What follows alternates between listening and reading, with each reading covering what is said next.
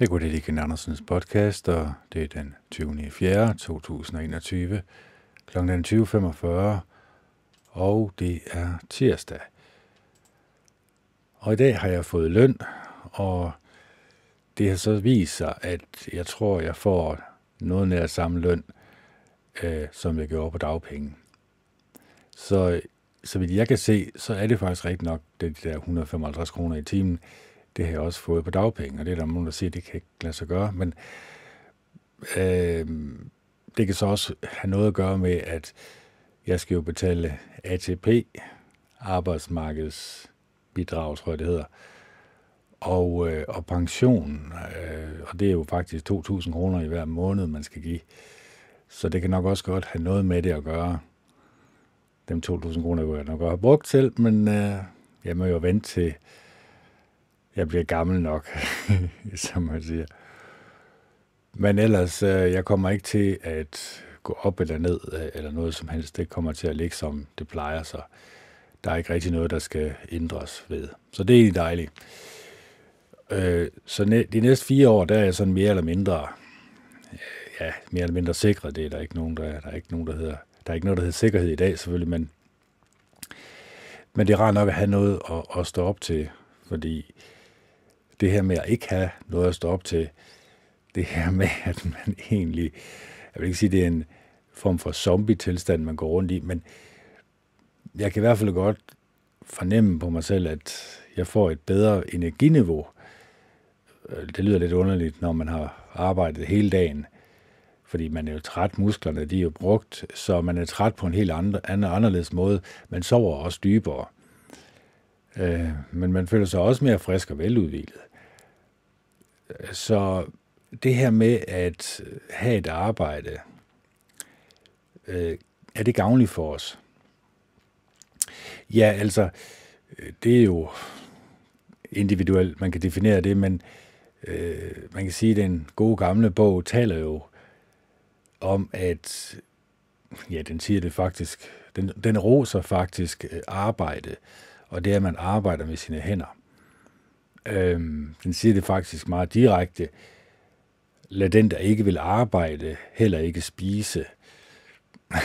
det er, det er noget, noget af, nogle af apostlene, der siger det. Så øh, den sker meget hårdt igennem. Og øh, nu kan man sige, nu har det jo selvfølgelig noget med dogenskab at gøre, at man ikke vil. Det kan jo altså være sådan, at man ikke kan finde noget arbejde. Så er det klart, så er det jo en anden situation. Det handler jo noget om vores hjertetilstand, vores indstilling til livet. Så hvordan er vores indstilling til livet?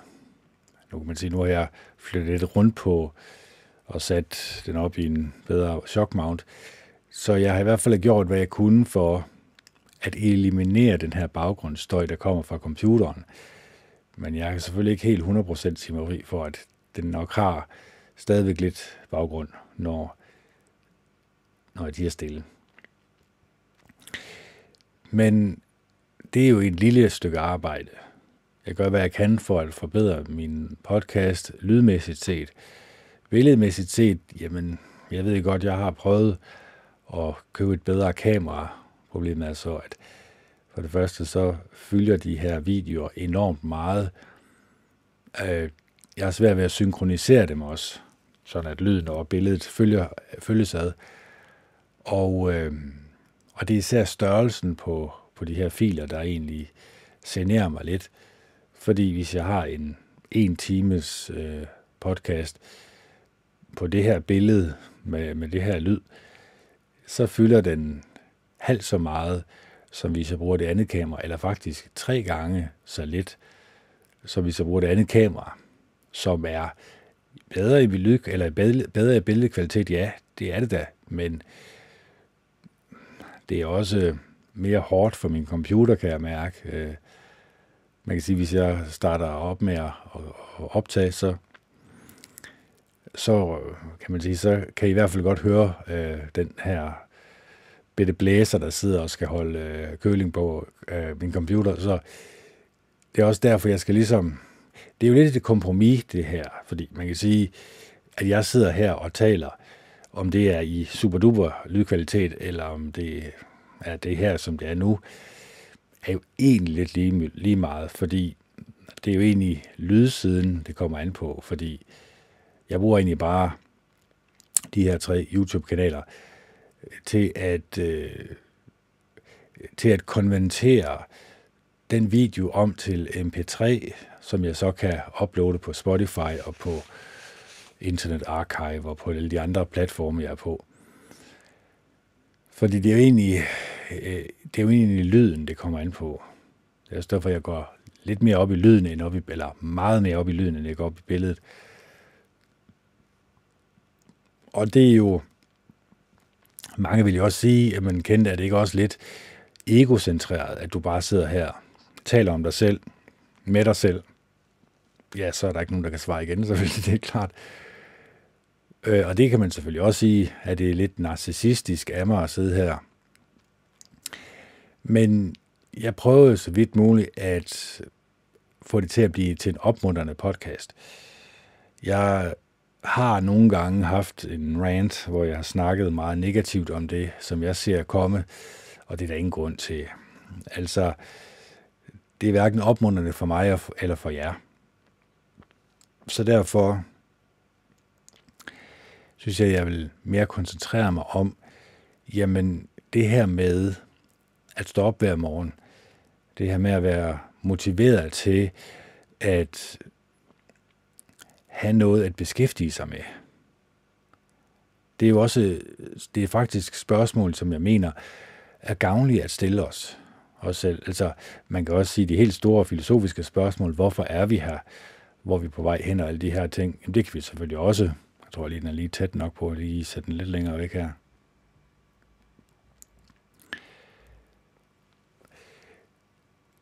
Det er selvfølgelig også vigtige spørgsmål, det er klart, og dem prøver jeg så vidt muligt også at, at, at forklare. Altså, det er jo kun min mening om det. Men, øhm, men når vi går lidt dybere ind i os selv og tænker lidt nøgtern over livet, altså, det skulle jo meget gerne være et lykkeligt liv, vi lever. Det skulle gerne være fyldt med gode oplevelser, gode venner, vi kan tale med, og øh, tale lidt mere dybere om de lidt dybere ting også. Vi skal gerne have en fornemmelse eller en følelse af, at den her ven også bekymrer sig om en, tænker på en og ønsker at lære en endnu bedre at kende. Fordi har man sådan en ven, så har man jo fundet noget dyrebart. Det, det kan vi jo ikke anden øh, blive enige om, fordi det er jo noget, der beriger ens liv. Det er jo noget, der kan opmuntre en. Og det er også noget, der kan, kan man sige, bygge en op, øh, sådan livskvalitet, kvalitetsmæssigt set. At vi, øh, at vi føler, at vi faktisk glæder os til at se den her ven igen. Vi glæder, til, glæder os til at høre den her vens stemme, til at høre, om der er kommet noget nyt, om der er sket noget nyt i deres liv. Og der er kun én måde, man kan... Jeg ved godt, man siger, at der er mange måder, men, men der er jo kun én måde, man kan opdyrke et, et, øh, et dyb, dybere venskab. Øhm, og det er jo, at man kommer ud af døren. Man kan selvfølgelig godt have venskaber over Skype, eller over nettet, eller over sms, eller Twitter, eller Instagram. Det kan man selvfølgelig godt. Men det bliver aldrig rigtigt til et dybt venskab. Et dybt venskab, der skal man se hinanden ansigt til ansigt. Der skal man have en fornemmelse eller en følelse af, at når man taler, så bliver det modtaget på en måde, som vedkommende forstår. At man har en kommunikation, at man har øhm, en følelse eller en fornemmelse af, at her er et menneske, som man kan få et opbyggende forhold til. At man kan opbygge hinanden. At, øh, at vi kan begge to berige hinandens liv. Det er jo egentlig det, det kommer an på. Så det er jo egentlig for at sige, jamen, vi mennesker, vi kan selvfølgelig godt øh, leve et single liv, som jeg har gjort i 20 år. Jeg kan også have venner, som jeg er fortrolig med. Jeg kan også gøre alt, hvad jeg kan for at øh, bibeholde de her venskaber.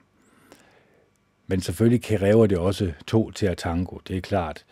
Altså, jeg kan jo godt prøve at opdyrke et venskab, men hvis vedkommende ikke ønsker mit venskab, ja, så er der ikke noget at gøre ved det jo.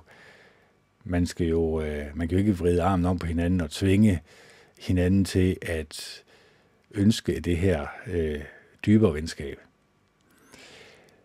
Og man kan selvfølgelig også godt komme til at virke lidt for ivrig. Det skal man selvfølgelig også passe på med, fordi så bliver, virker det måske også lidt frastødende. Men dybest set aller inderst inde, så er vi alle sammen på udkig efter uendelig kærlighed, øh, uendelig venlighed, uendelig mildhed. Den her fornemmelse af, at øh, vi føler os elskede. Vi føler os godt tilpas i den her vens selskab. Det er jo noget, som kan fylde os med en varme indvendig. Det kan, føle, eller det kan fylde os med en indre glæde, en indre lykke. Og den her indre lykke, den kan vi jo bibeholde ved, at vi altid arbejder på de her venskaber. Så hvordan kan man arbejde på de her venskaber? Ja, igen, det kræver jo to til at tango, altså det kræver jo også, at begge parter er indstillet på det her. Hvis en af parterne, hvis jeg for eksempel er indstillet på at opdyrke et dybere venskab, men de andre parter ikke er, så kan jeg jo også hoppe og danse nok så meget. Øh, men, men det får jeg ikke noget ud af. Så derfor må man jo også sige, at vi skal vælge vores venner med omhu. Selvfølgelig skal vi det. Det skal være nogen, der beriger os. Det skal være nogen, som er opmuntrende. Det skal være nogen, som har valgt at fokusere på det positive i livet. Så kan vi finde sådan nogle venner, så har vi fundet noget meget dyrebart, som vi skal gøre, hvad vi kan for at bibeholde. Og hvordan bibeholder vi det? Jamen, det er selvfølgelig individuelt igen, men opbyggende og opmunderende samtaler. Samtaler, hvor vi går lidt dybere ind i, hvem vi er som menneske. Jeg har jo i uendelige podcast nu, næsten synes jeg selv, øh, læst højt fra de her selvhjælpsbøger. De her bøger, som er skrevet af mennesker, som har lært mange mennesker at kende og har fundet nogle fællestræk ved de her samtaler, som de synes skulle nedsætte sin bog og så skulle videregives, og så vi kunne have gavn af det i dag. Fordi nu var det jo egentlig parforholdet, vi var i gang med, øh, den her tal sammen, som vi er ved at gennemgå. Og øh, det er da også fuldstændig rigtigt, at man kan godt skemalægge det her. Man kan godt bestemme, at jamen, de næste, den næste times tid, eller halvanden, jamen der skiftes vi til at tale om et emne, og det giver vi hinanden fem minutter til. Når vedkommende så er færdig, så skal vedkommende, som har lyttet, genfortælle øh, den her eller den her mening, som vedkommende har haft om det her, så ordkorrekt som overhovedet muligt, uden at lægge hans eller hendes egen fortolkning ind i det. Og så først derefter skal vedkommende give sit eget besøg om emnet. Og så skal man bytte roller igen om det samme emne, så er det vedkommende tur til at selv at give sin besøg med, og så skal vedkommende genfortælle, og så skal man prøve at se, om man kan nærme sig hinanden i samtalen. At, og det er, jo, det er jo egentlig en meget svær disciplin, det her. Fordi vi er jo vant til, at når vi har en samtale, jamen, så når vi føler, at her er noget, vi godt kunne bibringe med, så har vi nok en mani med at afbryde. det, det har jeg selv, og det er voldsomt irriterende, ikke kun for mig selv, men så især også for vedkommende, som prøver at udtrykke sig selv. Øh, så derfor er det sådan en indre kamp for mig, ikke at komme med gode råd midt i en samtale, men at lytte opmærksom, at være 100% til stede i samtalen, det er noget, jeg i hvert fald skal arbejde på. Og øh, jeg, jeg fejler selvfølgelig mange gange, men jeg prøver så vidt muligt at give det alt, hvad jeg har. Altså give det en så stor en indsats som overhovedet muligt. Fordi jeg kan føle, at når jeg gør det, så føler vedkommende sig også hørt. Så føler vedkommende også, at jamen her er et menneske, som lytter opmærksom til mig. Det kan jo være, at vedkommende aldrig nogensinde har prøvet det her i sit liv. Altså, det kan jo være, at man egentlig kun har haft nogle meget korte øh, samtaler med hinanden, og ikke har ønsket at lære hinanden at kende. Og det er også spørgsmål, som vi skal stille os selv. Ønsker vi virkelig at lære hinanden at kende, eller er det egentlig bare sådan en form for overfladisk øh, selvretfærdighed, kan man kalde det? Når man stiller sig selv de spørgsmål, så vil man også opdage, at når man har en mani med at afbryde, øh, så er det jo ikke vedkommendes fejl, man taler til, så er det ens egen fejl. Og den fejl skal man selvfølgelig gøre alt, hvad man kan for at rette op på. Når man så retter op på det, jamen så skal man selvfølgelig være klar over, at når man retter op på det, så skal man også være villig til at fortsætte med at gøre det. At det ikke bare er en one-off, som man siger. Det skal selvfølgelig være noget, som bliver en del af ens personlighed. Og det her med at gøre ens personlighed mere fornyet, at man faktisk går ind og arbejder på sin personlighed, arbejder på, hvem man er, forbedrer sig selv som menneske, forbedrer sit sprog, forbedrer den måde, man tænker på, den måde, man tænker om andre mennesker på, det skulle egentlig gerne være hovedformålet med livet. Fordi gør vi det, så begynder vi egentlig også at åbne os op over for andre mennesker. Vi kan ligesom fornemme, at her er et menneske, som selvfølgelig fortjener min kærlighed, opmærksomhed og venlighed. Her er et menneske, som har brug for oprigtig støtte, og den her opmærksomhed, den tror jeg også, hvis man oplever det en gang, jamen, så er det også noget, man søger resten af livet. Fordi vi er jo alle sammen opmærksomhedssøgende. Vil gerne have opmærksomhed. Vi er på en eller anden måde også øh, egocentreret på det her område. Men kan vi komme lidt bort fra den her egocentrering? Kan vi flytte vores fokus bort fra os selv og over på det andet, og over på den anden person her, så kunne det være, at vi på en eller anden måde kunne nærme os hinanden og egentlig berige hinanden og gøre hinanden lykkelige og glade. Man kunne egentlig sige, at vi som mennesker har selv magten til at skabe en god atmosfære omkring os, og vi har også magten til at berige andre mennesker. Det kommer helt an på, øh, hvordan vi behandler hinanden. Hvordan vi, selvom vi er uenige om tingene, vi kan møde mennesker med andre meninger, end vi selv har, så er spørgsmålet, er vi villige til at være lyttende? Er vi villige til ikke hele tiden konstant at afbryde? Det kan egentlig godt være, at vi er heldige nok til at kunne afbryde vores tanker, at vi ikke afbryder med vores mund, men det er stadigvæk afbrud. Fordi så er du ikke koncentreret længere, så er du egentlig sagt på en eller anden måde i dit øh, indre sind, at jamen, nu er det ikke interessant længere. Eller nu er du egentlig ikke interessant længere. Det kan godt være, at du står og knæver stadigvæk, men mine tanker er et helt et andet sted.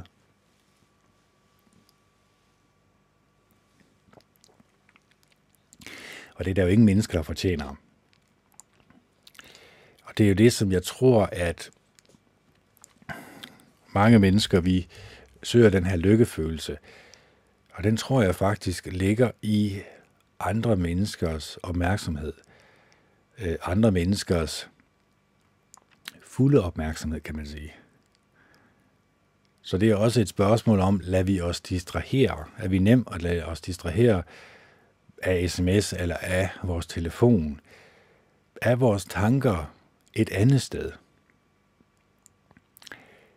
Se, det er jo også et spørgsmål, vi kan stille os selv, fordi hvis vores tanke er et andet sted, jamen så kan vi jo nødvendigvis kun konkludere, at vi har flyttet fokus væk fra den person, vi taler med, og over på os selv. Så vi er igen blevet egocentreret. Og det er så nem en, en følelse at komme i. Det, det er for mange mennesker, inklusive mig selv, det er nok en grundfølelse. Vi er vores selv nærmest, som man siger. Vi ønsker egentlig kun eller inderst inde at lære os selv at kende. Og i den proces, så finder vi også ud af, at vi har nogle dårligdomme, som, som mennesker ikke er særlig modtagelige overfor. Eller man kan sige det på en anden måde. Vi mennesker, vi ønsker at kunne lære os selv at kende. Eller inderst inde, så kan det være, at det egentlig er kun for at berige os selv, eller have en egen følelse af, at nam, nu fik jeg en god samtale, men jeg er egentlig lidt ligeglad med vedkommende, fordi nu er jeg egentlig blevet opløftet, nu er jeg egentlig fået det godt med mig selv indvendigt over den her samtale. Nu behøver jeg sådan set ikke øh, den person længere i mit liv. Så, så det er også det, har vi som mennesker brug for andre mennesker? Og det er, kan jeg selvfølgelig kun svare for mig selv, men jeg mener, ja, selvfølgelig har vi det. Det kan vi jo se især i den her periode, vi går ind i, hvor flere og flere mennesker tager afstand fra hinanden. Følelsesmæssigt set er mennesker, er de blevet kolde? Er de blevet kyniske? Er de det, som Bibelen kalder pengekære, pralende, hårdmodige, venner af sanselige nydelser, snarere end venner af Gud? Er de blevet de her dårlige ting, som rigtig mange mennesker godt kan se er dårlige egenskaber? Og er man selv i besiddelse af de her egenskaber? Har man opdyrket de her dårlige egenskaber? Og kan man se, at man har opdyrket de her dårlige egenskaber? Så kan man selvfølgelig også gøre noget ved det. Så kan man selvfølgelig prøve så vidt muligt at gøre alt, hvad man kan for at ikke kun eliminere dem, for det kan ikke lade sig gøre helt, men man kan i hvert fald gøre alt, hvad man kan for at holde de øh, negative egenskaber på et minimum.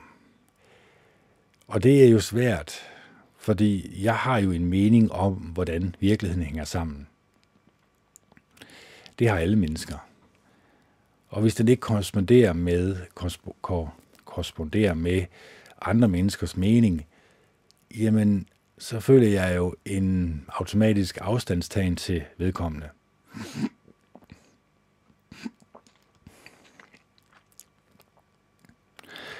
Og det vil også sige, at den her afstandstagen, jamen den gør, at man bliver endnu mere egocentreret igen. Man kommer ikke tættere på hinanden. Og igen, jeg kan jo tale om de her ting i timevis, og jeg prøver ligesom at gå rundt om den, den varme grød, som man siger. Vi skal jo have noget konkret, vi kan holde, til, holde os til. Og hvor får vi de her øh, konkrete ting fra? Jamen altså sådan en bog som, som den her, Tal sammen, den giver nogle meget konkrete, men også sådan, man føles næsten det, som om det er matematisk lagt frem. Og, øh, og det kan godt virke sådan lidt øh, følelseskold, kan man sige. Men det er ikke for ikke at sige, at råden ikke er gode, og at vi ikke kan på en eller anden måde komme vores tankegang lidt til livs, hvis vi har en tankegang, som fører os bort fra, vores hovedformål, som skulle være uendelig kærlighed og venlighed over for hinanden. Så det er for ligesom at sige, jamen, vi mennesker, vi er rigtig gode til at tænke om os selv, have tanker om os selv, føle med os selv, gå ind i os selv. Men vi må nok ærligt indrømme, at på et eller andet tidspunkt, så bliver det meget ensomt. Og for at vi kan komme ud af den ensomhed, så bliver vi nødt til at åbne os op. Vi bliver nødt til at lære andre mennesker at kende. Vi bliver også nødt til at sige til os selv, at kan jeg se bort fra andre menneskers dårligdomme? Andre mennesker, det er jo mange gange, det er altid det, som vi bliver konfronteret med allerførst, når vi starter øh, et venskab. Det er jo andre menneskers dårlige egenskaber. Det er det, der springer i øjnene. Det er det, som vi fokuserer på. Det er det, som vi har en mani med ikke at kunne ignorere eller se bort fra. Hvorfor egentlig ikke det? Ja, det har nok også noget at gøre med, at de her dårlige egenskaber er nok også nogen, vi selv besidder. Så vi kan måske se os lidt i den her person, og det bryder vi os ikke om. Altså, nu taler vi om de negative egenskaber. Så, så det er for at sige, at når vi begynder at spejle os i hinanden, når vi begynder at lære hinanden nærmere at kende, så er det klart, så kommer de her egenskaber også, som gør, at vi, ah, det kunne da være bedre, hvis han eller hun gjorde sådan og sådan. Men igen, det er jo også en egocentreret synspunkt, forstået på den måde, at du sender egentlig dit fokus tilbage på dig selv. Og så tænker du, hvad tænker jeg om vedkommende? I stedet for at tænke, jamen hov, hvad tænker vedkommende om mig? Hvordan opfatter vedkommende mig? Kunne jeg se bort fra vedkommendes dårlige egenskaber? Kunne jeg forme min personlighed sådan, at vedkommende godt kunne føle, at jamen, her er et menneske, der er åben. Her er et menneske, der er glad. Her er et menneske, der er lykkelig. Og her er et menneske, som jeg kan åbne mig op for. Her er et menneske, som jeg føler, at vi godt kunne få en forbindelse til hinanden. Fordi jeg tror, at mange mennesker desværre har mistet den forbindelse i dag. Jeg tror, at vi som mennesker har svært ved at tilgive hinandens dårligdomme. Og, og en af grundene er jo, som jeg siger, at vi kan se de her dårligdomme i os selv, og det er meget, meget nemmere at få flyttet fokus bort fra os selv og over på andre. Det, det er så utrolig nemt. Det er jo der er en helt øh, underholdning, underholdningsindustri, der drager og lokker os i den her retning. Det er jo øh, de her følelser af, at det er pinligt for andre mennesker. Det er tårkrummende for andre mennesker. Det kan være, at man stiller sig op på en scene og ikke kan finde ud af at synge, og så er det tokrummende for de mennesker, som sidder og kigger med. Det er jo mange gange de negative egenskaber, som bliver portrætteret og opmuntret. Man, man bliver ligefrem opmuntret til at se på det her – det bliver mere og mere voldelig og bestialsk. Det bliver mere og mere nedværdigende. Og hvis man ikke analyserer sig selv, eller analyserer det, man får ind gennem øjnene og ørerne, så sidder man egentlig bare på en eller anden måde og passivt, passivt bliver påvirket af det her ting. Desperate Housewife var en meget populær serie, som egentlig handlede om de her kvinder, som lagde skumle planer op imod hinanden,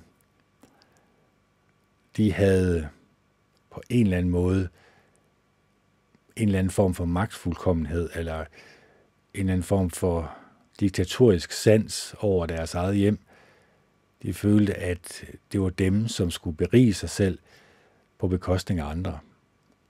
Og det blev der en hel serie ud af, og mange mennesker følte sig draget og lokket af sådan noget skrald. Game of Thrones hvor mennesker blev slået, slået ihjel og tortureret, og fordi der var drager mere sex, jamen så var det jo spændende og interessant. Eller Breaking Bad, som også var en meget populær serie, som handlede om, hvordan man kunne berige sig på andre menneskers bekostning, og i den proces også forhærdige sig selv og øh, lave en hel masse bestialske ting over for hinanden. Når man nu siger det på den her måde, så ved jeg også godt inderst inde, at det faktisk er rigtigt, det jeg siger. Men fordi vi har forhærdet vores hjerter, vi har forhærdet vores sind, så afviser selvfølgelig det her. Hvem kan ikke godt lide at se en Agent 007-film, fordi det er fiktion? Men handler det ikke om tortur? Handler det ikke om at berige sig selv på andre menneskers bekostning? Handler det ikke om at redde verden og så slå en hel masse mennesker ihjel i, i processen? Og så egentlig også have seksuelt samkvem så mange kvinder som muligt, og så smide dem væk som brugt slikpapir bagefter. Ja, okay, når du siger det på den måde, så er det nok egentlig også rigtigt. Men det er jo spændende. Det er jo spændingen. Det er jo adrenalinsus, vi får, når vi ser de her øh, ting på lærredet. Men bliver vi påvirket af det i en positiv retning? Går vi smilende og glade ud af biografen? Føler vi, at vi har beriget vores liv? Ja, det kan vi jo sådan set godt lade os narre os selv til at tro, at vi gør. Men i virkeligheden, så er det egentlig bare vores eget ego, vi har fodret. Og det gør det meget, meget sværere at komme tættere på hinanden. Det gør det meget, meget sværere at få en forståelse af hinanden og have et oprigtigt ønske om at lære andre mennesker at kende. Og det er der jo mange mennesker, der er uenige med mig i. De mener ikke, at vi bliver påvirket i en negativ retning, når vi beskæftiger os med øh, de negative menneskelige egenskaber og følelser. Men der er jeg altså af den anden opfattelse. Så det er også derfor, jeg fokuserer en time om dagen på min podcast. Det er for ligesom at tale mig selv varm. Tale mig selv et, hen, et sted hen, hvor jeg i hvert fald føler, at jeg er kommet et, et bedre sted hen, end jeg var for de her 32 minutter siden. Fordi jeg kan også godt have en dårlig hverdag. Jeg kan også godt møde mennesker med dårlige egenskaber. Jeg kan også godt have en rigtig lortedag, som man siger. Men jeg kan bare mærke, at når jeg laver de her podcast, når jeg går ind i dybden med de her ting, i de her selvhjælpsbøger, så føler jeg på en eller anden måde mig beriget igen. Jeg har jo fyldt mine tanker op igen med gode, positive og opmuntrende ord. Ord, som kunne hjælpe mig. Mennesker, som kunne hjælpe mig øh, til at i endnu højere grad vise uendelig kærlighed til mine medmennesker. Det er mit mål, og jeg har ikke nået det endnu. Langt fra. Altså, det kan være, at jeg når det om fem år eller ti år. Jeg kan selvfølgelig aldrig 100% vise uendelig kærlighed. Der vil jo altid være et lille smule af egoet tilbage, som forhindrer mig i at vise uendelig kærlighed. Men jeg kan i hvert fald gøre et ihærdigt forsøg på det. Jeg gør alt, hvad jeg kan for at sortere i skraldespanden. Og jeg har jo talt meget om skraldespanden. Bare lige hurtigt for at sige, hvad der er i skraldespanden. Nu er det så kun mig, der definerer min skraldespand, og I kan jo definere jeres egen. I kan definere, at I ikke har en skraldespand. Det er også okay. Men jeg kan bare sige, at min skraldespand, der er der voldelige film, voldelige computerspil. Film, som portrætterer menneskers dårlige egenskaber, som noget, man kan lade sig underholde med, samt de asociale medier, samt det mainstream media, nyhederne, som konstant fortæller dig, hvad du skal frygte, og hvad løsningen på dine problemer er. Og hele den her parole, det er jo ret meget egentlig, når man så lige går og tænker på det. Kan man virkelig holde sig fra de her ting helt? Det, det kræver, at man nærmest sidder på et bjerg og mediterer. Øh, det er næsten umuligt. Men man kan holde det på et minimum. Man kan gøre alt, hvad man kan for at holde skraldespanden bort fra sig selv. Man kan jo også sige til sig selv, at man kan være opmærksom på de her ting. Siger man nej tak til det, når man sidder blandt venner og skal se en god og underholdende film, og så bagefter finder ud af, halvvejs ind i filmen, at det handler om tortur, det handler om øh, menneskers dårlige egenskaber, hvordan man kan få hinanden til at føle sig dårligt tilpas. Er man så en af dem, som siger, nej, det gider jeg ikke at kigge på det her. Det er skrald, det kan jeg ikke bruge til noget.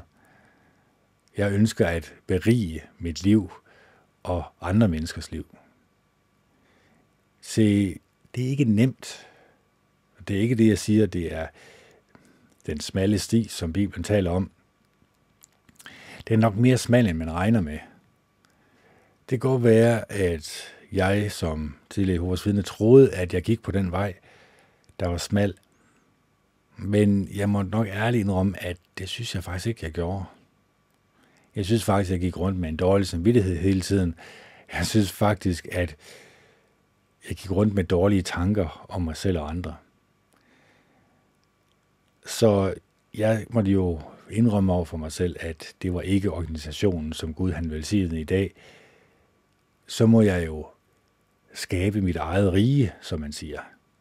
Så må jeg jo gøre alt, hvad jeg kan for at sortere i mine tanker, i det, jeg stopper ind gennem øjnene og ørerne, og det, jeg bliver påvirket af. Fordi det er det, jeg mener, at jeg er jo af den overbevisning, at vi alle sammen får en opstandelse. Jeg mener også, at Gud han eksisterer. Øh, jeg mener, vi kommer alle sammen jo fra, en æg, fra et æg og en sædcelle, som kommer fra et æg og en sædcelle, som kommer fra et æg og en sædcelle osv. osv. Det vil sige, at vi kommer fra noget, som kunne placeres på toppen af knapnålshovedet. Det kunne så også placeres på toppen af knapnålshovedet, det er vores far og vores mor. Det kunne så også placeres på toppen af knapnålshovedet, det er vores bedstefar og bedstemor, og så videre og så videre. Det ser jeg jo som rimelig intelligent lavet, Derfor må der være en intelligent skaber, som har skabt universet og os her på jorden. Og hans navn er Jehova Gud. Det kan jeg jo ikke løbe fra. Men det, at jeg ikke tror, at han har en organisation her på jorden, hvorfor egentlig ikke det? Burde han ikke være organiseret? Det er der jo mange, der lover at påstå, at jamen, Jehovas vidner, det er dem, der lever aller, aller mest efter Bibelen. Øh, men lever de efter ånden i Bibelen? Viser de uendelig næstekærlighed og venlighed over for hinanden, over for deres medmennesker? Eller har de lavet en hel masse menneskeregler, som skal overholdes i stedet for? Er de gået bort fra ånden i Bibelen, som taler om venlighed, ydmyghed, mildhed og næstekærlighed? Det er, at man kan beherske sig selv, det er, at man tænker på andre end sig selv. Og det er, at jeg prøver at opdyrke den her uendelige kærlighed. Er det hovedfokus på organisationen, eller for organisationen, der må jeg desværre sige nej. Hovedformålet er at få så mange ind i organisationen som muligt, få dem døbt og få dem til at sige det samme, som hovedkontoret siger. Og hovedkontoret siger jo, at Armageddon kommer meget snart, at vi er lige på tærsling til, at Gud han griber ind i forholdene her på jorden, og han fjerner alle onde mennesker. Og det vil også sige, at alle mennesker, som ikke er Jehovas vidner, de bliver udryddet i Armageddon. Er det særligt rart og opmuntrende budskab at komme med? Øh, nej, Ken, det er det ikke. Og øh, jeg har det også på den måde, at det ikke også et fuldstændig ligegyldigt budskab? Altså mange de siger jo, eller det gjorde vi i hvert fald dengang, at husk på Lots hustru. Hun kiggede sig jo bag ud og så øh, blev til en salgstøtte. Men vi skal alle sammen dø. Altså på et eller andet tidspunkt, så skal vi alle sammen herfra. Så kan det jo egentlig være fuldstændig om, ligegyldigt, om Armageddon kommer, og vi bliver slået ihjel i morgen, eller om det bliver, når vi er 80 år gamle. Jeg synes, det handler om, hvordan vi lever lige nu og her. Hvordan vores tanker er lige nu og her. Hvordan ønsker vi at være som mennesker? Jeg tror alle sammen inderst inde gerne vil vise uendelig kærlighed og venlighed. Det, det er jeg næsten overbevist om, at alle mennesker godt kan genkende til. Det kunne være dejligt rart. Men de fleste mennesker lader sig jo påvirke. Vi lader os også påvirke af fjernsynet, øh, af andre menneskers meninger. Og så går vi over i de negative menneskelige egenskaber i stedet for, som vrede og had over for hinanden. Og så er det meget svært at vise uendelig kærlighed, nærmest umuligt, når vi er over i de her negative egenskaber. De her negative personlighedstræk, som vi alle sammen har en mere eller mindre grad. Hvis vi ikke er villige til at bekæmpe de her negative egenskaber, hvis vi ikke er villige til at bremse os selv, inden det går for vidt i op i vores hoved, op i vores tankegang, jamen så kommer det jo til handling. Så først, så bliver vi grove i sproget.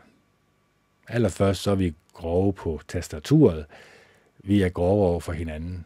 Vi taler dårligt om hinanden og nedværdigt om hinanden. Og det er jo ikke særlig opmuntrende. Det er ikke særlig gavnligt for os. Det kan vi ikke rigtig bruge til noget. Og de mennesker ønsker vi jo egentlig heller ikke at være gode venner med. Det er noget, der giver os selv. Så vi må også sortere i vores vennekreds. Vi må også sige til os selv, jamen, er der andre mennesker derude, som også stræber efter at arbejde på sig selv, så de også kan i endnu højere grad vise næstekærlighed og venlighed, og ydmyghed og mildhed, og være ligesom den barmhjertige samaritaner, som så den her person, som lå halvdød i grøften, tog ham op, forbandt hans sår og betalte for vedkommende til at blive sørget for i et herberg og komme tilbage igen og gav manden ekstra penge for det, han skyldte. Er vi som den barmhjertige samaritaner, som fik inderligt ondt af vedkommende, eller er vi som de mennesker, som går bort øh, på den modsatte side af vejen? Det er også spørgsmål, som vi gerne må stille os selv. Det sker der ikke noget ved. Jo, selvfølgelig, det kan godt gøre lidt afsi mausi. afsi mausi. Det kan godt gå lidt tæt på, fordi der bliver vi konfronteret med os selv jo. Altså, hvorfor ser vi øh, splinten i vores brors øje, når vi ikke ser bjælken i vores eget? Altså, hvorfor kan vi alle sammen, kan vi nemt få øje på de altså, fejl, der er hos andre mennesker, men de her andre fejl, som vi har inderst inde, dem ønsker vi ikke at arbejde på. Dem har vi ikke rigtig fået øje på. Det er jo også noget at gøre med, eller det har noget at gøre med, at vi som mennesker inderst inde er forvirret. Vi er jo forvirret over den situation, vi lever i. Man kan sige konkret, jo, så kan jeg jo godt se med mine øjne og lugte og, og, og smage med min mund og lytte med mine ører. Og jeg kan også godt se, jamen det samfund, vi lever i, det er som det er, ikke også? Og jeg kan sætte mig ud i en bil og køre, og alle de her ting. Jeg kan interagere med samfundet. Men det er stadigvæk lidt forvirrende. Fordi vi flyver rundt på den her planet, den her runde kugle, som svæver, eller som snor rundt med, jeg kan ikke huske mange tusind kilometer i timen, i det her uendelige rum, med alle de her uendelige stjerner og planeter og galakser. Så når vi begynder at tænke i de baner, så kan vi godt se, hold da op, hvorfor er vi så egentlig placeret i det her, den her form for matrix, som vi kan kalde det? Hvad er formålet med det? Altså, man kan sige, religion har gjort et meget godt, eller har i hvert fald sørget for, at der har været meget godt bud på, og givet en forklaring på det usynlige, på det, som vi ikke kan se med vores øjne, øh, eller høre med vores ører, eller lugte, eller smage.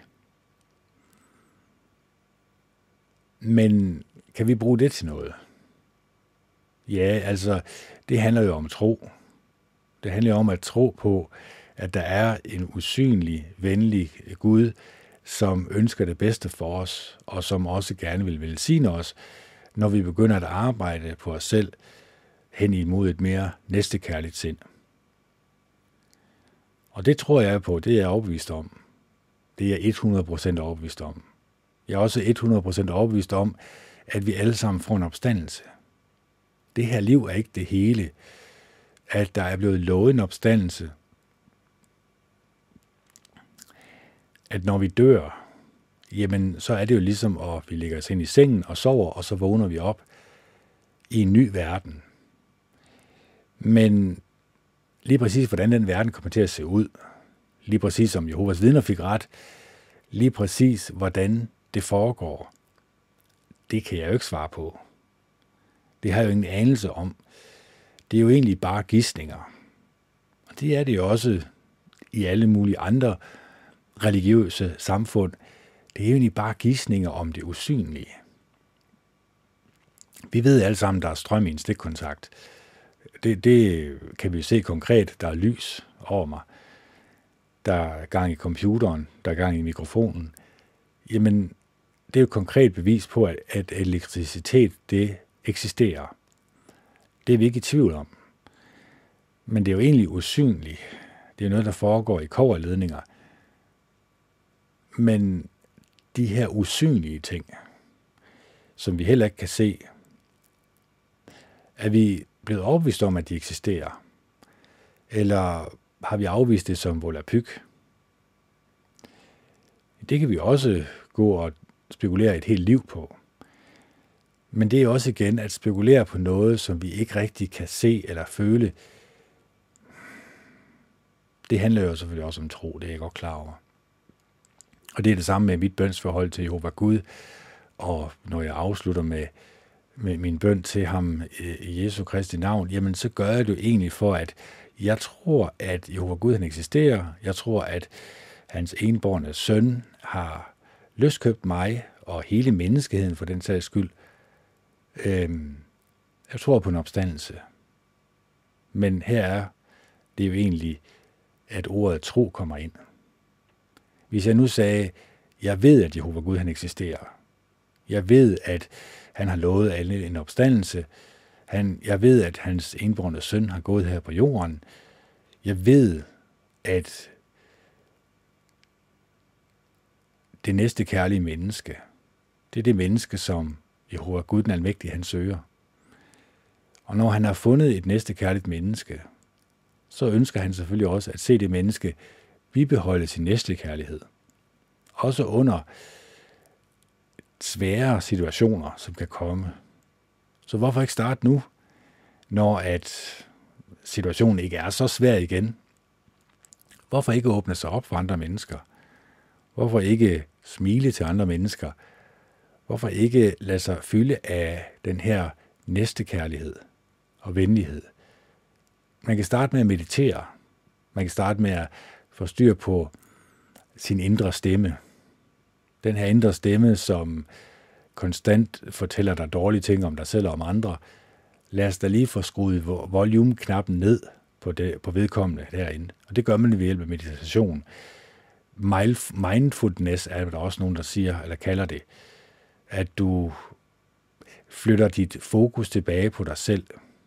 Forstået på den måde, at du egentlig flytter dit fokus tilbage på at tælle vejrtrækning, eller at stige på en ting eller en genstand, og få hele tiden fokus tilbage på den genstand, når dit sind begynder at flyde og begynder at trække dig på langfart. Det vil jo hjælpe dig til at få styr på dine tanker. Det vil hjælpe dig til at trække dit sind i den rigtige retning. Trække dig selv i den rigtige retning. Og når vi gør det, jamen så vil vi føle en berigelse. Så vil vi føle, at vi faktisk kan, eller vi måske endda har meget ansvar selv over for os selv, til at arbejde på os selv i en mere positiv retning. Og nu skal jeg ikke snakke mere, for nu kan jeg godt se, nu fik jeg da snakket rigtig godt og grundigt. Vi skal lige have noget konkret også. Så derfor så tror jeg lige, vi går over sådan der. Og så tager vi lige øhm, tal sammen. Vi tager lige et lille, et lille snippet af tal sammen. Der står her, hvad kan I gøre næste gang I har en samtale? A. Strukturer samtalerne. Der er nok at tage fat på. I mange nye. I er mange nye spillere, der skal have skabt gode relationer til hinanden. Selvom det er eller selvom det er nogen tid siden, og du ikke har taget fat på samtalerne, er det aldrig for sent. Og B. Måske er det en god idé at starte med at tegne et mindmap med familiens aktiviteter. Der er din mand i midten. Et mindmap er godt til at skabe overblik over en kompliceret problemstilling på en enkel måde. For det første får I struktureret de emner, I, tal, I vil tale om. Emnerne bliver overskuelige, og måske kan I se et fornuftigt rækkefølge for valgt af emnerne. For det andet er et mindmap en god huskeseddel. Mens I tegner det, taler I sammen. Og måske dukker der emner op, som I begge havde overset, men som er vigtige. C. Brug en tidslinje, når I skal tale om problemer, I mener fylder meget.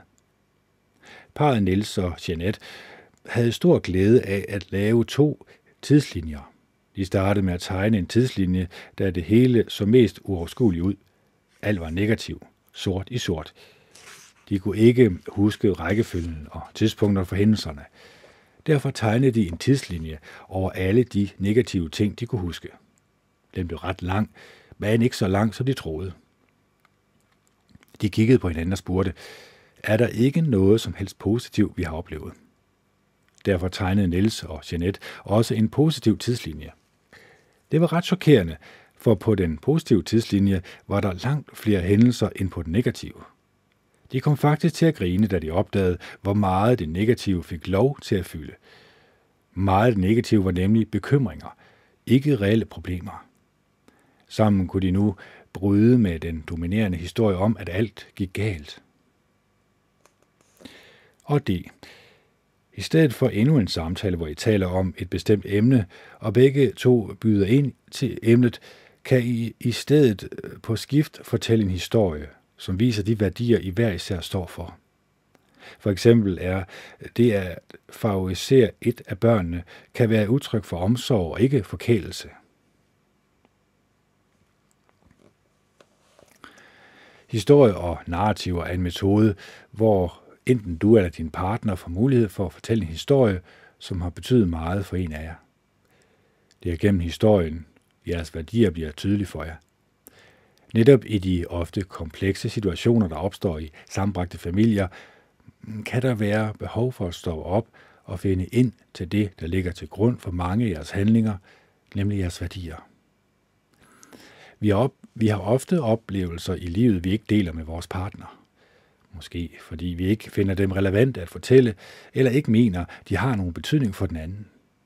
Men historier om virkelige hændelser skjuler ofte en tavs viden, som er vigtig at få fortalt i forståelsen af vores identitet. En tavs som måske også glemt viden, som vi pludselig og måske overraskende kan trække frem. Hvis du fortæller din historie om, hvad der betyder noget for dig, giver du ikke blot din partner, men også dig selv mulighed for at forstå, hvorfor du handlede og sagde, som du gjorde i en konkret situation. Når du fortæller en historie, kredser den altid om et budskab eller et plot, som ofte først bliver tydeligt for dig selv, når du fortæller historien. Historien vil nemlig rumme en fortolkning af, hvad der er sket, og hvad moralen er i det skete. Det vil også sige, hvad der er godt, og hvad der ikke er i orden. Din egen rolle i fortællingen bliver dermed også tydelig. Den morale, du ser i historien, er baseret på nogle, nogle holdninger og en etik, som er din, Derfor er historie vigtige både for vores partnere og altså også for os selv. For du kender først moralen, når du begynder at fortælle. Så her er der nogle konkrete ting, vi kunne gå i gang med. Den her samtale, som mange måske undgår i et parforhold, det kan også være et venskab, der er tale om her. Undgår man de her samtaler, jamen så går man også glip af at lære hinanden at kende på et dybere niveau, og lære sig selv at kende på et dybere niveau. Fordi skal man først begynde at forklare øh, det, man egentlig tror på, det man egentlig konkret har valgt at sige, jamen, det var sådan, jeg handlede i den her situation, så konfronterer man sig også sig selv med muligheden for, hvorfor, hvorfor handlede jeg egentlig på den måde? Hvorfor talte jeg egentlig til den person på den måde, hvad kan, hvad kan, hvad kan baggrunden være? Så begynder man egentlig at analysere sig selv, og så kan man måske også begynde at pinpointe de steder, hvor man skal arbejde på sig selv. Og så også det her med, at man åbner sig op for sin partner eller sin ven, det gør jo også, at vedkommende føler, at jamen, så kan jeg også godt åbne mig en lille smule mere op. Så kan jeg også godt fortælle om noget, som ligger mig meget personligt tæt på, fordi jeg ved, at vedkommende, jeg taler med, kan jeg stole på, er en, som oprigtigt ønsker at lytte opmærksom, ønsker at gå lidt dybere ind i, hvem vi er som menneske. Så jeg vil da varmt anbefale, at man tager de her samtaler op og gør det til en vane. Måske en gang om ugen, lige en halv time til en time, for at tale tingene igennem. E. Pas på, at I ikke drukner i brændslukning i hverdagen, så I til sidst mister modet og mister grebet om jeres familie, som de arkitekter I bør være. Det kan derfor være vigtigt netop for jer som en sambragt familie, at tillade jer selv at sætte ord på jeres drømme. Måske tænker du allerede, vi havde så mange drømme sammen i begyndelsen. Hvad blev der af dem? Du tænker måske, at det ikke er umagen værd. Jeg skal lige have den her lille lidt længere ned.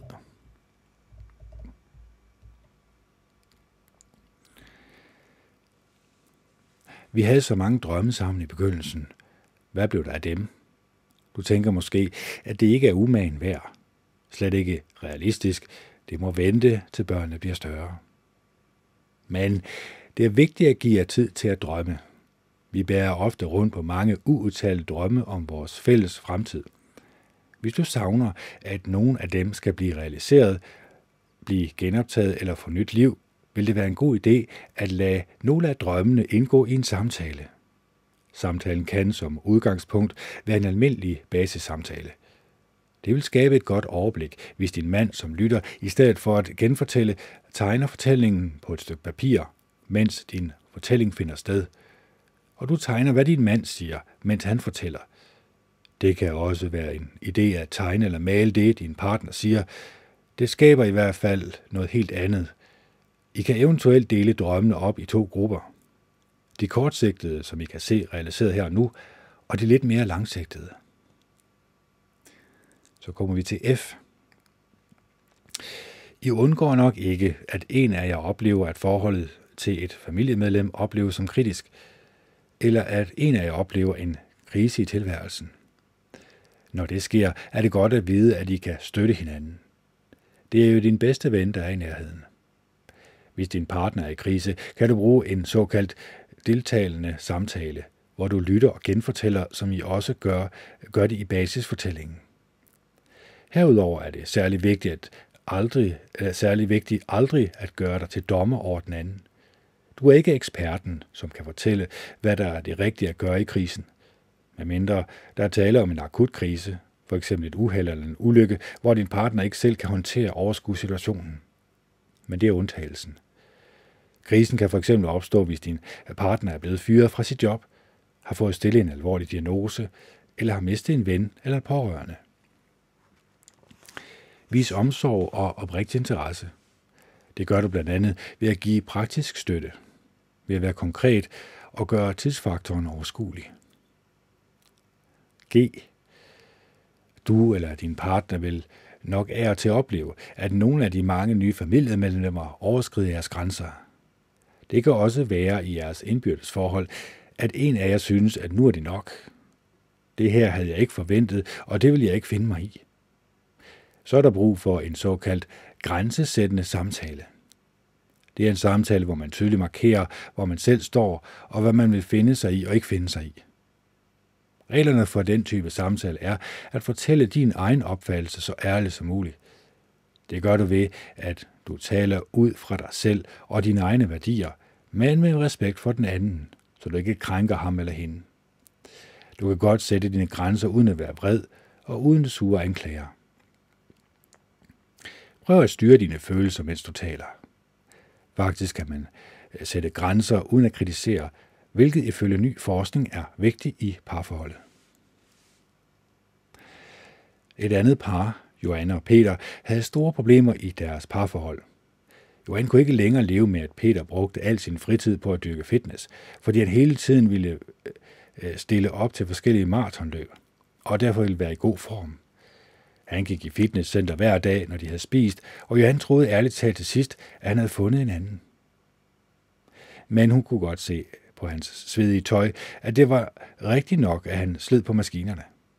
Hun tog selv afstand fra ekstremsport, men det værste var, at hun oplevede, at han var blevet besat af tanken om at skulle dyrke sin krop. Det gik ud over hende og børnene. Så en dag sagde Johan til Peter, at hvis det fortsatte på den måde, måtte han flytte. Han blev chokeret over hendes reaktion og foreslog en samtale. Det var ikke gjort med én samtale, for Johan oplevede ikke, at Peter forstod hendes budskab. Derfor besluttede hun at sige, hvordan hun oplevede situationen, i stedet for at kritisere ham. Det gjorde så stor indtryk på Peter, at han lovede at opgive de mange maratonløb og indskrænke det til et enkelt om året. Han neddroslede sine besøg i fitnesscenter til to gange om ugen, så der også var tid til fælles aktiviteter i familien. Når det lykkedes Johan og Peter at føre en god samtale, selvom Johan fik sagt sin mening, var det fordi øh, Peter gennem sin lytning og genfortælling vidste, at han var oprigtigt interesseret i, hvad Johan sagde. Også selvom han gerne ville forsvare sig. Men det undlod han og lyttede i stedet. Han valgte at spørge, når han ikke forstod det, Johan sagde. Pointen i de grænsesættende samtaler er, at du skal lade være med på forhånd at afvise, hvad din partner siger – du skal vise omtanke, så du ikke sårer den anden. Det er også vigtigt at have tillid til din partners gode hensigter med det, han eller hun siger, og erkende, at der kan være andre opfattelser end dine. Du skal kunne klare at høre noget, du ikke er enig i. Hvis du påpeger fejl eller mangler, vil din partner lukke af og forsvare sig med modargumenter. Du skal være villig til at se på dig selv udefra, så du også er selvkritisk – Påstand mod påstand fører ingen vegne. Når du lytter oprigtigt til den andens opfattelse, vil han eller hun også lytte til dig. Og så tager vi lige en sidste her. H. Du og din mand har ikke altid brug for at aftale samtaler med et bestemt emne. Vi er selvfølgelig også small talk i dagligdagen. Hvis du pludselig føler, at der opstår et problem, hvor du bliver trængt op i en krog, eller føler, at her er en grænse, kan du prøve at bruge eksternalisering som måde at tale sammen om et problem. Ved eksternalisering gør du det, at du taler om problemet i, dig, i ved eksternalisering gør du det, at du taler om problemet i sig selv, og ikke om din partner som årsag til problemet. Du giver problemet et navn, som Michael White siger, det er problemet, der er problemet. Hvis du oplever, at du selv er årsag til problemet, vil du nemlig forsvare dig og lukke af. Når du føler skyld, er det svært at iagtage dig selv udefra, og det kan ofte forhindre konstruktive løsninger. Et tredje par, Ida og Thomas, talte om hans fødselsdag, hvor hele den nye familie var med til at fejre ham. Ida synes, der kom for mange kritikpunkter for arrangementet, som hun havde brugt meget tid på at forberede. Et par, et par stykker sagde, at det ikke var en rigtig fødselsdag med lavkager det hele, som vi plejede i vores familie – det sårede hende meget. Under samtalen brugte Ida og Thomas en metafor for fødselsdagen, som de kaldte en teaterforestilling. Det gjorde det nemmere at tale om, hvilken betydning familiens normale roller havde for dem, når de begyndte at kritisere. Ida og Thomas kom til at grine undervejs. Det blev efterhånden en komedie, de havde oplevet. Gjorde det også nemmere at tale om, hvordan fødselsdagen som et teaterstykke skal sættes op næste gang – og hvordan kulisserne skal udsmykkes, end at tale om svigermors bemærkninger, som Ida fandt pinlige og sårende. Og så har vi her, hvad har par i sambragt familie sagt om samtalerne? Øh, er det den sidste? Det er det faktisk. Ja, okay. Det kan vi godt lige tage sidst her. Det var godt nok også mange ting på én gang, men øh, vi tager lige det sidste, så skal jeg nok skåne jer for resten. Hvad har par i sambragt familie sagt om samtalerne? Anja. Når jeg tænker på min mand, tænker jeg øh, på ham med glæde og tillid. Vi er sammen blevet en ny stor familie. En stor familie med mange udfordringer. Så efter samtalerne er vi rykket tættere på hinanden. Karsten. Vi skal alle i familien forholde os til flere voksne med forskellige regelsæt. Vores børn skal omstille sig, men skal alligevel også respekteres i forhold til det liv, de har haft i deres tidligere familier. Vi kan ikke rive tæppet helt væk under dem. De skal knytte følelsesmæssige kontakter til forskellige nye søskende, og samtidig acceptere blot at være en del af flokken, som nu er blevet større. Astrid. Jeg tror ikke, det er realistisk at realisere den romantiske forestilling om parforholdet, vi havde, da vi mødtes. Jeg tror i stedet, det er hårdt arbejde, ligesom det er på vores arbejdsplads. Rasmus. Hvis vi som par accepterer at være familiens arkitekter, skal min mand og jeg have et fælles sprog. Det havde vi ikke helt endnu, men vi har fået det til, men vi kan få det ved at bruge samtalemetoden, er jeg sikker på. Det kræver meget tid og meget energi, kan jeg se, og også vores arbejde sluger en del af vores fritid. Jeg vil gerne tættere på min mand. Jeg vil gerne have mere alenetid med ham. Louise. Vi har, siden vi begyndte at tale sammen, regelmæssigt lært at give hinanden en konstruktiv feedback. Det har vi gjort efter større begivenheder, fordi det er meget krævende at få det praktiske arbejde til at lykkes, når vi er en så stor familie. Det kan være svært at overskue, hvad der sker ved øh, disse begivenheder, og vi oplever noget forskelligt. Feedback giver os et samlet overblik, og vi ser jo hver gang noget forskelligt. Feedback gør så, at vi bliver bedre og bedre til at håndtere de store begivenheder. For vi lærer vores fejl, i stedet for at slå hinanden oven i hovedet. Det vigtigste feedback-samtalen har den vigtige feedback-samtale har vi altid en af dagene mellem jul og nytår. Så kommer vi til gode råd. Hvis du lever i en sambragt familie, stiller det ofte store krav til at kunne få en kompleks tilværelse til at hænge sammen. Det er vigtigt, at de til tider store, både praktiske og følelsesmæssige problemer med at få jeres forskellige relationer til at fungere, ikke overskygger det kærlighedsforhold, I, det kærlighedsforhold, I begge har drømt om. Der er ingen let vej øh, til et velfungerende parforhold i en sambragt familie, men det kan godt lade sig gøre. Vi har set, hvor godt hjulpet man kan være med regelmæssige samtaler. For det er dig og din partner, der er familiens arkitekter, og jer, der sammen skal finde ud af, hvad det er for en familie, I sammen vil bygge. Nej, hold op. Smukke ord, må man sige. Så kommer vi til den op, opløste familie. Spændende. Det skal nok blive sjovt. der var mange ting her, må man sige. Og øh, var der noget konkret, vi kunne bruge, altså som single, eller hvis det nu bare var, nu kan man sige, sambragte familier, kan være meget svære at håndtere. Det er noget, der giver sig selv jo. Der kan jo også være følelser indblandet. Der kan være jalousi. Der kan jo være noget, som, som trykker som man ikke har fået talt om. Og øh,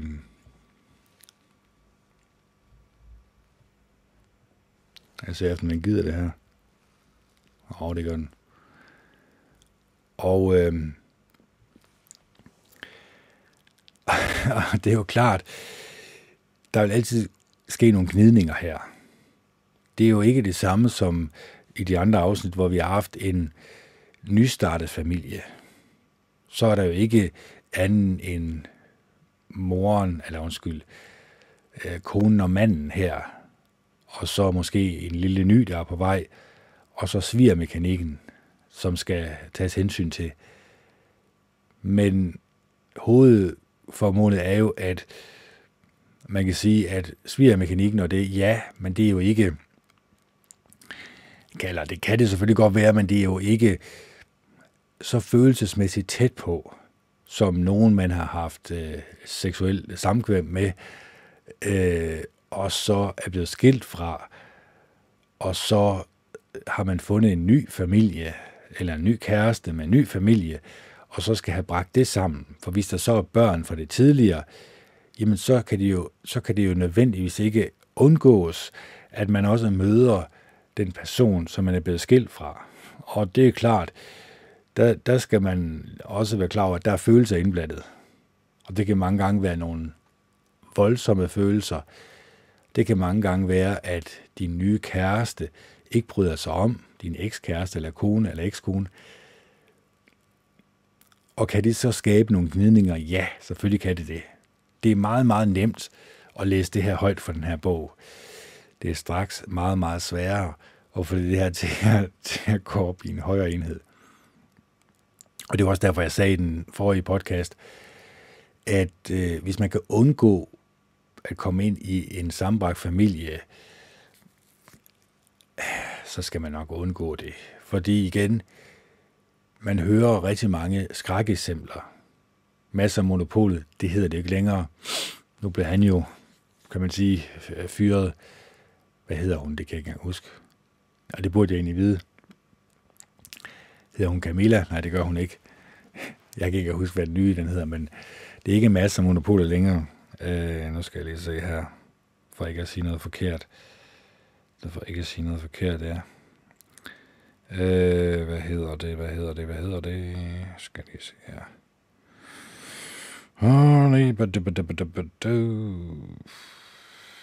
Den hedder Sara. Sara og Monopolet selvfølgelig, det er klart. Øhm, man kan så også sige, at han har også tjent rigeligt med penge, ham som havde det før. Og øh, ja, jeg ved ikke, jeg, man skal ikke sige, hvad for en favorit man har, men det er klart, jeg synes i hvert fald, Sara, hun, hun gør det rigtig godt. Hun er sådan en, jeg ved ikke, en people pleaser, eller hvad man kan sige. Altså hun er, hun er meget nemt at kunne lide, og det har ham den anden også været selvfølgelig, det er klart. Men jeg ved det ikke. Det skal også ligge i, i det uvisse. Men, men de dilemmaer, det er jo det, vi skulle ind på.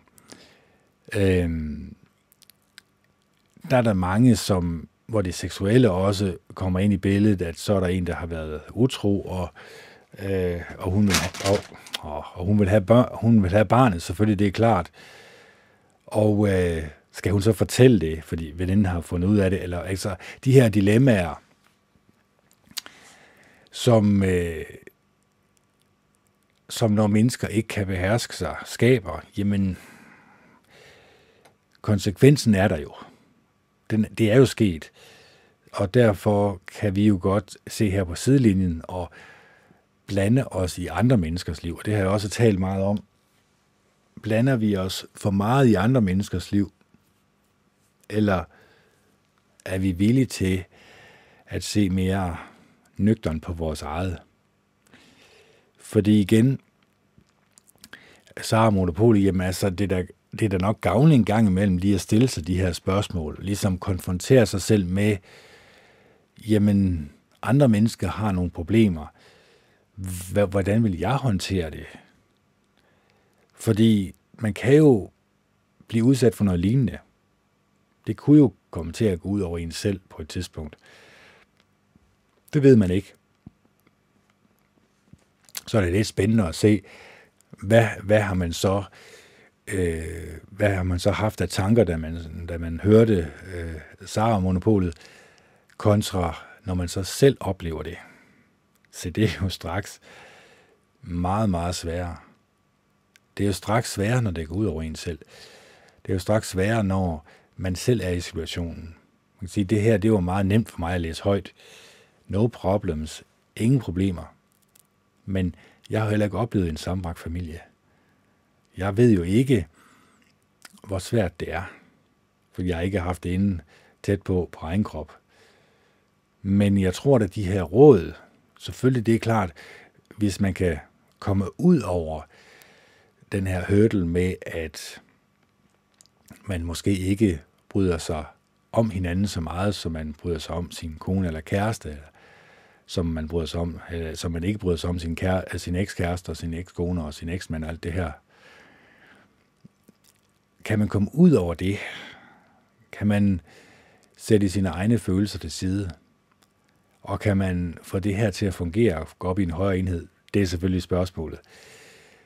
Men igen, det er ikke det nemmeste i verden, det her.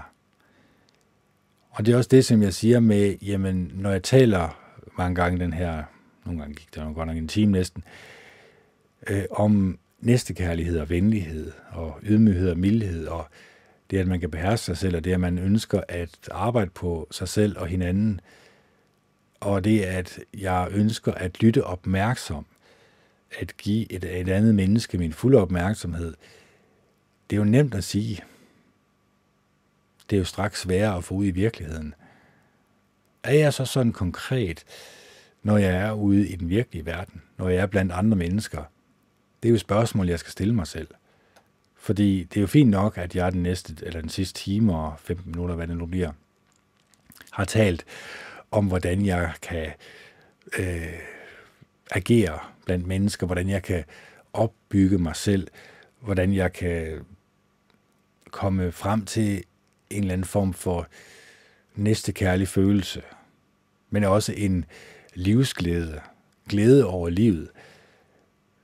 Man kan sige, nu har jeg i hvert fald talt mig selv hen i en retning, hvor at jeg, ja, jeg blev konfronteret, konfronteret med rigtig mange dilemmaer, det er klart, men jeg har også kunnet, håber jeg lidt i hvert fald, arbejde lidt på mig selv og på min egen tankegang, og på hvordan jeg tænker om mig selv og andre mennesker. Så øh, skal vi ikke bare afslutte nu? Jo, det synes jeg kendt. Jeg har også kun lovet, at til hverdag er det så kun en time, fordi to timer, det er lige... Jeg skal også der til ro, kan jeg se. Jeg skal op i kvart i fem, så jo, jeg må hellere lige afslutte. Så her afslutningsvis, der håber jeg selvfølgelig også, at I har kunne få et eller andet konkret ud af min podcast, at der var et eller andet, der fangede jeres opmærksomhed, der var et eller andet, som sagde jer noget. Jeg håber selvfølgelig også, at I er villige til at arbejde på jer selv og trække jer selv i en mere næstekærlig og venlig retning. At I måske endda skriver konkret ned de ting, som jeg skal gøre, eller som I skal gøre, for at opnå den her livsglæde, den her indre lykke, som vi alle sammen gerne vil være i besiddelse af. Og den her uendelige kærlighed, som vi alle sammen indeholder, hvordan kan vi få den til at komme til udtryk? Fordi den ligger derinde gemt. Det er bare lige at grave den væk, eller grave den op, grave den fri. Og øh, en af måderne er selvfølgelig, som jeg har været inde på tidligere, vi frasorterer selvfølgelig alt det, vi får ind gennem øjnene og ørerne, så det vi får ind gennem øjnene og ørerne kun er opmuntrende og gavnligt for os. Og hvis det ikke er, så lad os da frasortere det. Fordi så starter vi nemlig på en rejse, og jeg kan kun tale for mig selv, men den rejse, det bliver en renselsesproces. Det bliver sådan, at du dagen efter, og dagen efter, og dagen efter igen, kan føle en lettelsens suk. Du kan føle, at der er en vægt, der er taget af dine skuldre, når du ikke skal spekulere på alt det her skrald fra skraldespanden, men at du skal øh, tænke over, hvordan du kan arbejde på dig selv som menneske, til at blive et endnu bedre menneske, et mere næstekærligt og ydmygt og mildt menneske, som tænker øh, på andre end sig selv, og tænker mere næstekærligt om andre mennesker. Fordi så kommer du også til at tænke mere næstekærligt om dig selv. Så med disse ord vil jeg ønske jer en fortsat god dag og god aften. Det her det er Kenneth Andersen, der signer off. Det er den 20. 4. 2021. Klokken er 22.04, og det er tirsdag. Hej hej.